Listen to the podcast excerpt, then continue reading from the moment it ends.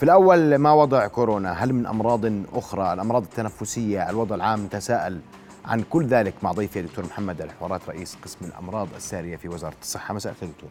مساء الخير. رؤيا بودكاست. وأول شيء بدي أقول لك إياه اليوم إذا إذا أنت مشيت بين الناس كله بقول لك جسم مهدود تعبان مرشح بقح صحيح؟ هذا أه. منتشر اليوم بكث بكث وفي حرارة على الناس تطلع أول شيء مساء الخير. مساء النور.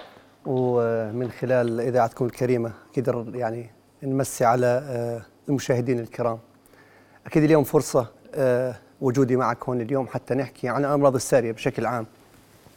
ولما نحكي أمراض ساريه أنا أحب بالبداية أوضح حتى نكون آه، الصورة واضحة لدى الجميع. إيش يعني أمراض سارية؟ والناس تحكي بكثرة الفترة الأخيرة. شو يعني أمراض سارية؟ المرض الساري هو المرض اللي ينتقل من شخص إلى شخص بشرط تواجد عامل مسبب للمرض.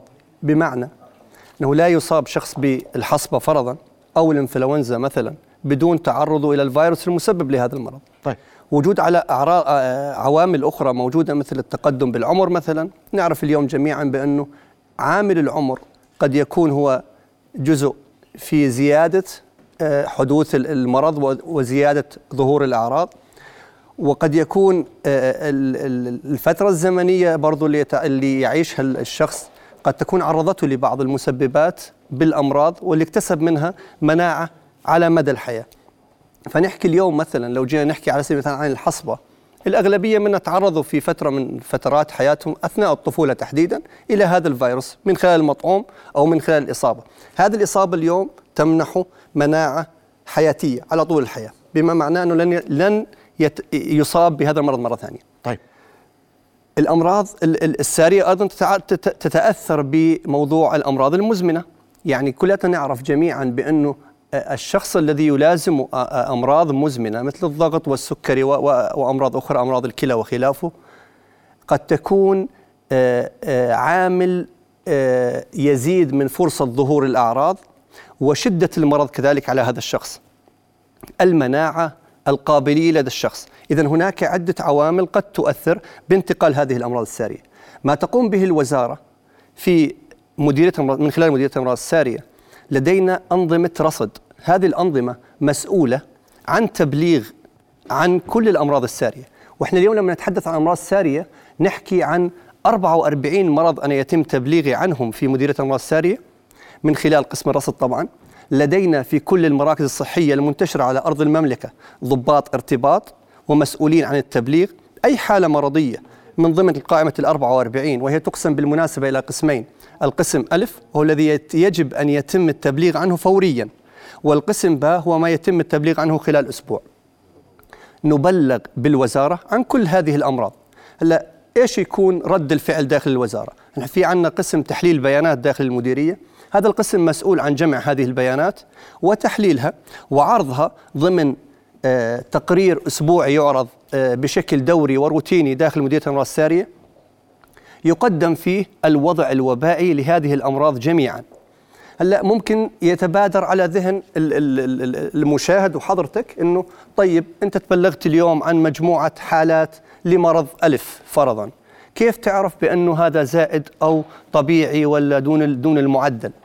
يتم طبعا الأخصائيين في علم الإحصاء وفي آه، أطباء الصحة العامة وصحه المجتمع وأكيد خبراء الأوبئة راح يعرفوا أنا أحكي عن يعني هناك أنظمة يتم رسمها بناء على بيانات من سنوات سابقة، نظام رصد اللي أحكي لك عنه أستاذ محمد هو نظام من سنوات، يعني لدى الوزارة بنك من البيانات بناء على آخر خمس سنوات نأخذ الأسبوع الوبائي نفسه ونأخذ أسبوعين قبله وأسبوعين بعده ويتم احتساب آه، بالإحصاء في شيء يسموه الرتبة المئينية.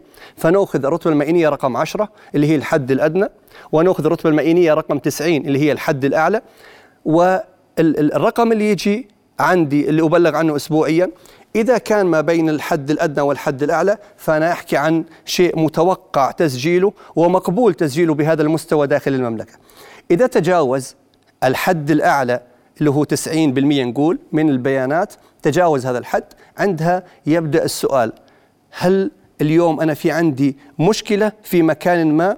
هنا تبدأ الريسبونس أو الاستجابة من من الوزارة. كل محافظاتنا كل مديريات الصحة لديها فرق استجابة سريعة داخل كل محافظة. وظيفتها الأولى عند حدوث أي زيادة أن الميدان ننزل على الميدان نتأكد بأنه هذه الزيادة حقيقية. توزيع هذه الحالات هل هناك تجمعات لهذه الحالات؟ هل هناك رابط مسبب واحد لهذه الحالات؟ شو اللي صاير اليوم. اللي صاير اليوم إحنا الآن الأرقام والداتا أو البيانات هي يقال عنها القوة. يعني ملكك لهذه البيانات هي قوة باتخاذ القرار الصحيح والمبني على الدليل. طيب. ويمكنك من معرفة الصورة الحقيقية لما يحدث داخل البلد. اليوم لو جينا نحكي عن الأمراض السارية بشكل عام والأمراض التنفسية هي جزء من هذه ال ال ال الأمراض الأرقام اليوم تشير أن الأردن لا يوجد فيها زيادة عن المعدلات المتوقعة. يعني أنا في عندي نظام رصد في المستشفيات كذلك الأمر وفي المراكز الصحية لأمراض تنفسية ويتم سحب عينات بشكل يومي لفحص هذه العينات ولا تفحص فقط للكورونا تفحص أيضا للإنفلونزا وتفحص يذكر الجميع آه، بنهاية الموسم آه، السنة الماضية كان الحديث عن ال- ال- المخلوي التنفسي أيضا يتم فحصه بشكل دوري داخل ال- ال- ال- كان موجود وبكثافة. صحيح ولكن ولكن بالآخر أستاذ محمد هناك موسم شتوي تكثر فيه وتنتشر فيه الامراض التنفسيه قلت لك بال بال بالنتيجه هل مستوى الانتشار هل تعدل المستوى أو المعدل المتوقع ام لا يزال ضمن هذا ال ال ال ال ال ال range ال ال ال ال ال ال ال يعني يعني اليوم شايف الرشح والقحه وال- وال- وال- والتعب والانهاك انتشاره طبيعي الأرقام لدي في وزارة الصحة. بتقول لك الانتشار طبيعي؟ ال- الأسبوع الوبائي رقم تسعة. ال- اللي هو الماضي. الأرقام لدي لا يوجد زيادة فوق المعدل المتوقع للأمراض التنفسية. من ضمن العينات اللي تم سحبها نسبة 4% فقط هي إنفلونزا. ال- المخلوي فرضا اليوم ما عندي حالات مخلوي. الكوفيد ولاحظنا بالفترة الأخيرة حدوث زيادة طفيفة على عدد الحالات ولكن لو ما قورنت هذا إنه فيش فحص يا دكتور. خلي الكورونا على جنب هلا بس هلا بجيها لا هلا أوكي. آه. أنا بحكي بالآخر أستاذ محمد أنت عن اليوم بدك تقول لي اليوم اليوم. أنا بسألك بكل بكل نعم, صراحة. نعم, نعم. وأنا أجاوب ب- إيه، بأرقام انت بتقول لي أنا الكورونا عندي زيادة طفيفة. أنا شو بفحص؟ مين بفحص اليوم؟ لو جيت أقارن ما بين الأرقام اللي كانت تسجل في بداية السنة الماضية واليوم بنفس الفترة الزمنية نقارن شهر ثلاثة بشهر ثلاث راح تجد بأنه أنا في تلك الفترة كنت أسجل حوالي 170 ألف حالة بالأسبوع الوبائي الواحد بينما اليوم أنا أحكي عن 3000 حالة بالأسبوع الوبائي الواحد. موضوع الفحوصات وتطرقت عليه حضرتك. اليوم مسجل ثلاثة يعني إحنا الأسبوع. بالأسبوع الوبائي تقريبا. 3000 حالة بمعدل 3000 حالة كورونا. الفحوصات وحضرتك تطرقت للفحوصات. تعرف حضرتك ويعرف الجميع مراكز فحص ال PCR لا زالت موجودة وتقدم هذه الخدمة بالمجان من وزارة الصحة. المراكز يتم الإعلان عنها على موقع وزارة الصحة آه، الصحة على على صفحة ال- الفيسبوك آه، صفحة وزارة الصحة على موقع الفيسبوك. لا زالت كذلك وزارة الصحة تقدم مطاعيم الكوفيد في مراكز منتشرة على أرض المملكة. ما في محافظة اليوم ما فيها مركز لتطعيم مطاعيم الكوفيد والحملة الوطنية للتطعيم ضد كوفيد لا زالت موجودة ومستمرة. حضرتك سألت عن الفحوصات. وزارة الصحة للوقوف على الوضع الوبائي وبشكل مستمر اللي تحدث عنه حضرتك في منه أنه من يفحص اليوم؟ هم الناس اللي تراجع المستشفيات ويشتكون من أعراض وأغلبهم يحتاجون إلى الدخول يتم فحصهم. أوكي تقوم الوزارة من فترة لأخرى يعني من ثلاثة أسابيع إلى شهر إلى شهر ونص بعمل حملة على مستوى وطني. وهذه الحملة بالمناسبة كانت في يوم أمس كان في عنا يوم امبارح حملة على مستوى المملكة. تم جمع 10000 عينة عينات PCR. امبارح. امبارح. بمستشفيات وزارة الصحة في القطاع الخاص وفي مستشفيات الخدمات الطبية الملكية. واللي شاف تقرير اليوم هناك انخفاض في النسبة الإيجابية. لأنه اللي تفضلت فيه حضرتك قد يكون مشوه للنسبة الإيجابية. لأنه أنا في نوع من ال- ال- ال- اللي هو المسح المسح العشوائي والمسح الموجه. المسح الموجه بمعنى أنا اليوم قاعد أفحص الناس اللي تراجع المستشفيات. عشان هيك نسبة الإيجابية بينهم مرتفعة. لما أخذت عينة عشوائية انخفضت مباشرة النسبة الإيجابية تاتي إلى معدلات جدا مقبولة. قاعدين اليوم نحكي عن من 22 مثلا بالمية الأسبوع الماضي إلى اليوم إحنا قاعدين نحكي عن 7% أو 6.5% تقريبا. يعني حتى موضوع الفحوصات أستاذ محمد ليس دائما تؤخذ الأرقام فقط كأرقام. لا يجب أن تؤخذ الأرقام من قديش أنا أخذت ولمين أخذت بالضبط. فموضوع أرجع لك مرة ثانية لموضوع السرف... النظام الرصد اللي هو المبني على بعض المواقع المختارة واللي نسحب فيه عينات للمرضى اللي يراجعوا المستشفيات. وهاي المستشفيات والمراكز الصحية يتم اختيارها بحيث تكون ممثلة للمملكة. عندما يتم تحليل هذه البيانات ونجد أنها تتوافق مع نظام رصد كوفيد الوطني وتتناسب مع ما يتوفر لدينا من بيانات من منظمة الصحة العالمية اللي تقول بأنه آه هناك انخفاض مثلا في عدد الحالات المسجلة بالكوفيد حول العالم. هذا دليل على أنه البيانات التي يتم جمعها اليوم داخل المملكة هي بيانات ممثلة وحقيقية وتعكس صورة الواقع. صحيح اللي تحكي فيه أنه ممكن في انتشار وزي ما حكيت لحضرتك هذا موسم شتاء. هذا موسم تقلبات جوية. ولكن هل هذا الشيء مستبعد؟ اسمح لي انت في في ناس الناس مرشحة وبتقح وتعبانه عادي؟ مش عادي. يعني إيش ليس كل إيش المرض اليوم؟ إيش المرض التنفسي الأكثر انتشارا في الأردن اليوم حاليا حسب آخر فحوصاتنا آه. هناك زيادة بعدد حالات الكوفيد المسجلة. ولكن هذه الزيادة طفيفة جدا ومقبولة ولا تمثل عبء أو خطر على الصحة العامة. م. اليوم نحكي أستاذي كالتالي. من يستطيع التمييز بين الحالات التنفسية اللي موجودة؟ أنتم بتقدروا. الفحص الوحيد هو القادر على أن يقول لك هذا المريض نص مصاب. بفحص وين في نص ثلاث ارباع ما بفحص عشان هيك الحملات العشوائية اللي إحنا نسويها من وقت لآخر في أطباء ال... بقول لك ليش تفحص؟ إيه أنت بتفحص ليش؟ خلص الكورونا زيه زي غيره. هلا لا خلاف على إنه مرض كورونا اليوم هو أصبح حاله حال بقية الامراض التنفسية. لا يشكل عبء على الصحة العامة.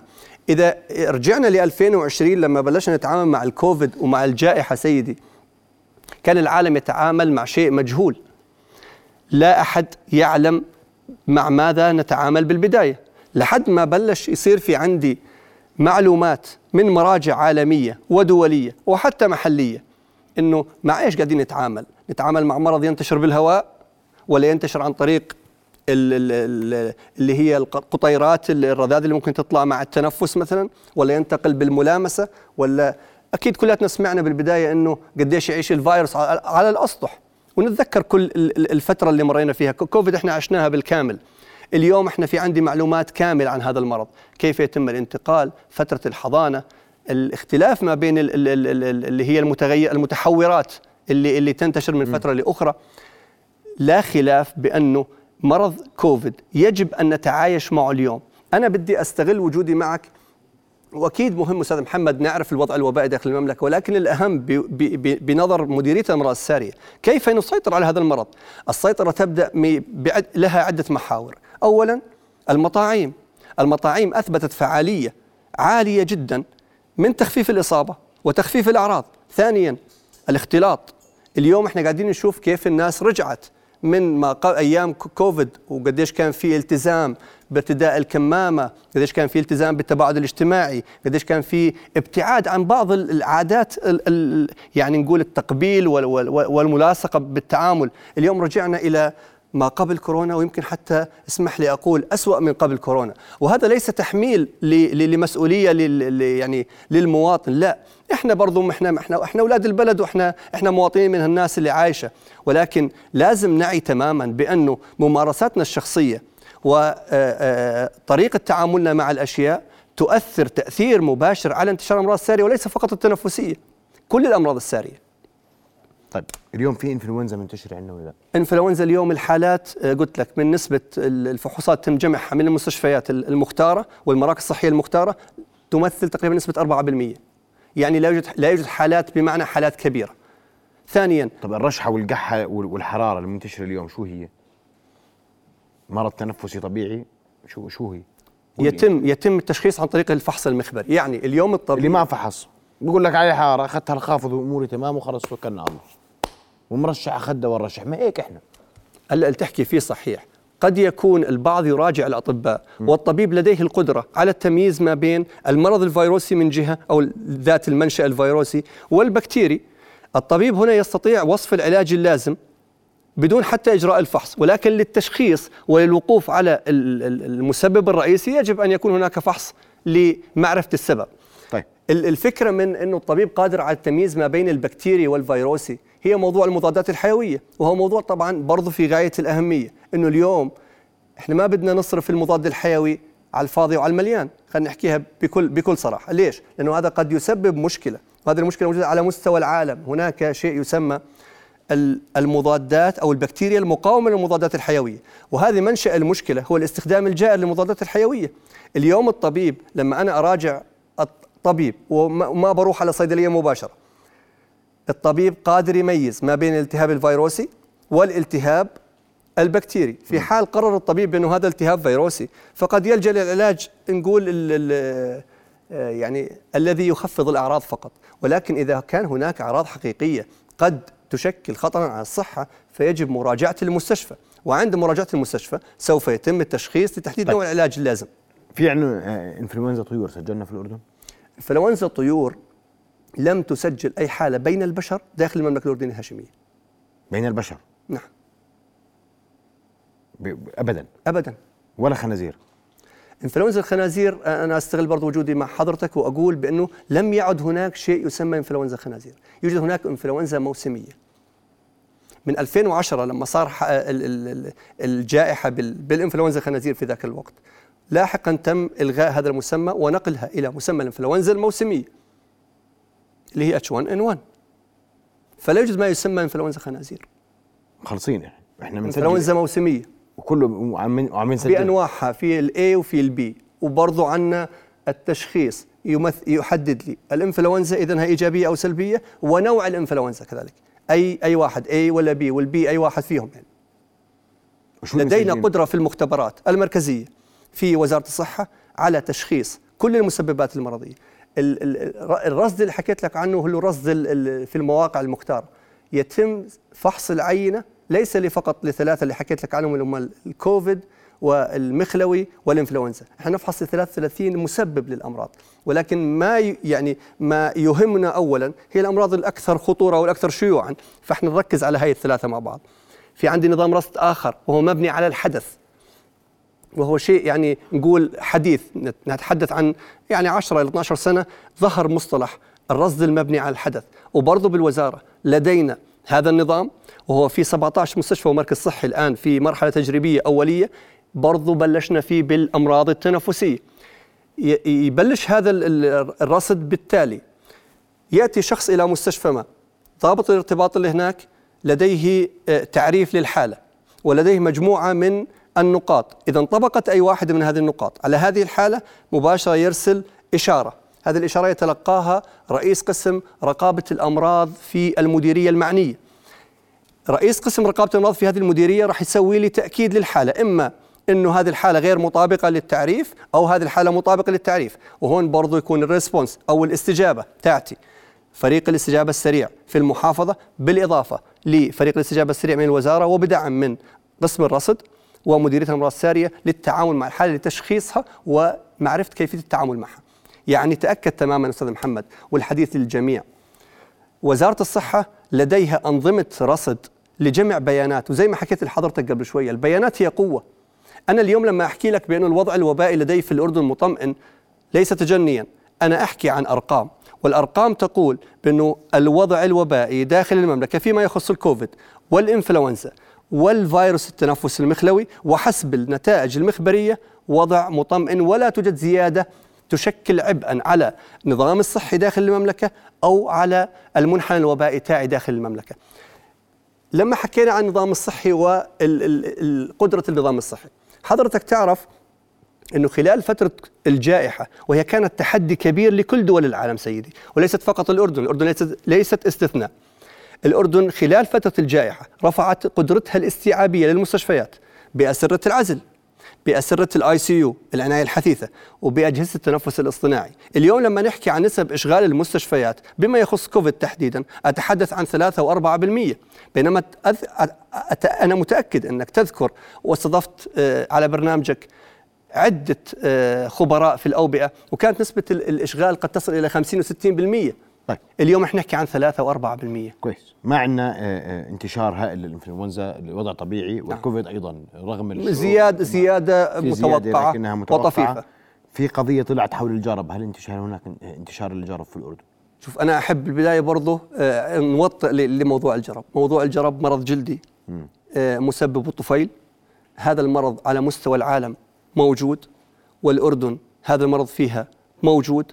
ما تم تسجيله والحديث عنه في الأسبوع الوبائي قبل الماضي واللي أعلن عنه عطوفة الأمين العام للرعاية الصحية الأولية والأوبئة دكتور رائد الشبول عن تسجيل 68 حالة على مستوى المملكة. كان هناك تركز لبعض الحالات في محافظتين.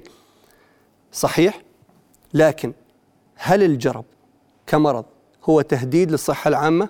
هذا السؤال الجواب الجرب ينتقل بطرق محددة يعني الملامسة اللصيقة ولفترات طويلة بالجلد قد تنقل. ولما أحكي ملامسة لصيقة ولفترات طويلة يعني مش أني أنا سلمت عليك ونقلت لك ال- ال- العدوى. لا. ثانيا استخدام الملابس لشخص مصاب أو استخدام ال- الفراش البياضات المخدة الغطاء عدم تهوية البيوت وتشميس أو يعني ننشر ال- ال- ال- الفراش برا. هاي من العوامل المساعدة على انتشار ما بين الناس. العلاج هل هو متوفر؟ نعم متوفر. بكميات كافية؟ موجود. يتم صرفه للحالة ويتم صرفه للمخالطين داخل البيت حتى لو لم تظهر عليهم الأعراض. يعني هذا يبلش علاج للحالة ووقاية للمخالطين. كويس. واستخدامه سهل وبسيط. ماشي. اليوم في انتشار ولا ما في؟ بعد ال 68 حالة. الحالات حتى 68 حالة. ليست ارتفاعا عن المعدل الذي نسجله كل عام. يعني موجود لكن ضمن المعدل. نعم. يسجل اليوم ضمن المعدل. نعم. طيب. وكله ضمن المعدل. نعم. ونرتاح. وما يقلقناش. لا الكحة ولا الرشح ولا الحرارة اللي حاليا ليس. ليس هذا المقصود. آه. إذا كانت عجالي ارجوك تفضل. ها- إذا كانت الحالة تستدعي مراجعة المستشفى فيجب مراجعة المستشفى لتقييم الحالة من قبل الطبيب ويتم تشخيص الحالة وصرف العلاج اللازم لذلك. بخلاف ذلك مراجعة الطبيب العادي وصرف العلاج اللازم بدون تشخيص قد يكون كافي. بالنهاية وأرجع أكد لك مرة ثانية صرف المضادات الحيو الحيوية اليوم بطريقة مفتوحة أو بطريقة آه، بدون رقابة هو أمر مضر بالصحة. طالما إحنا اليوم أستاذ محمد نحكي عن الصحة فضروري جدا نوضح موضوع المضاد الحيوي مرة ثانية وأكد من خلال شاشتكم الكريمة بأنه المضادات الحيوية اليوم وصرفها بهذا الأسلوب قد يشكل مشكلة كبيرة لاحقا. وعشان هيك سيدي اللي يحدث اليوم هو في هذا الموسم اللي نحكي فيه عن موسم شتاء وموسم تقلبات جوية هو متوقع. هل هو اليوم تهديد لل- للصحة العامة ويشكل خطورة على النظام الصحي الأردني؟ قولا واحدا لا. المستشفيات لديها القدرة على استيعاب الحالات لا سمح الله في حال زادت. لدينا أسرة عزل لدينا أسرة عناية حثيثة لدينا أجهزة تنفس صناعي لدينا دواء مخصص لل- للكوفيد. واليوم برضو من خلال شاشتكم الكريمة أحب أقول بأنه الأطباء لديهم هذا الدواء متوفر في المستشفيات ويستطيعون صرفه للمرضى اللي ما بدخلوا. يعني إذا أنا شكيت على حالي في أعراض مثلا كوفيد وفحصت وطلعت positive على ال PCR وأعراضي خفيفة لا تستدعي الدخول. أستطيع مراجعة الطوارئ ويستطيع طبيب الطوارئ أن يصرف لي علاج الباكسلوفيد أو علاج الكوفيد المتوفر مجانا داخل وزارة الصحة. واضح. بالإضافة لموضوع المطاعيم مرة ثانية أنا أرجع أكد عليه. والوزارة وعلى لسان معالي وزير الصحة وعطوفة الأمين العام للرعاية الصحية والأوبئة تم إعلان الأردن راح تجيب المطعوم اللي هو bivalent اللي هو يشمل أو يغطي المتحورات الجديدة. هذه الدفعة من المطاعيم ستصل مع نهاية هذا الأسبوع إن شاء الله وسيتم البدء باستعمالها وصرفها وإعطائها للمواطنين مع بداية الأسبوع القادم. أنا أوجه رسالة التالية. أولا إذا كان أعرف أنه أنا علي أعراض ما في داعي أروح أخالط تحديدا كبار السن. اثنين إذا كنت أعرف شخص عليه أعراض ما في داعي برضو أروح أخالطه وأسلم عليه مباوسة وأقعد بحضنه 16 آه، آه، ساعة. ثلاثة أستخدم وسائل الوقاية الشخصية المتاحة. أربعة التطعيم. وخامسا علاج الكوفيد متوفر. كل هذه العوامل مع بعض بالتأكيد الانخفاض اللي متوقع أن يحدث خلال الأسابيع القادمة راح يصير بشكل أسرع. أشكرك كل الشكر دكتور محمد الحوارات رئيس قسم المرض الساري في وزارة الصحة على الإيضاح اللي قدمته اليوم. شكرا جزيلا. العفو. رؤيا بودكاست.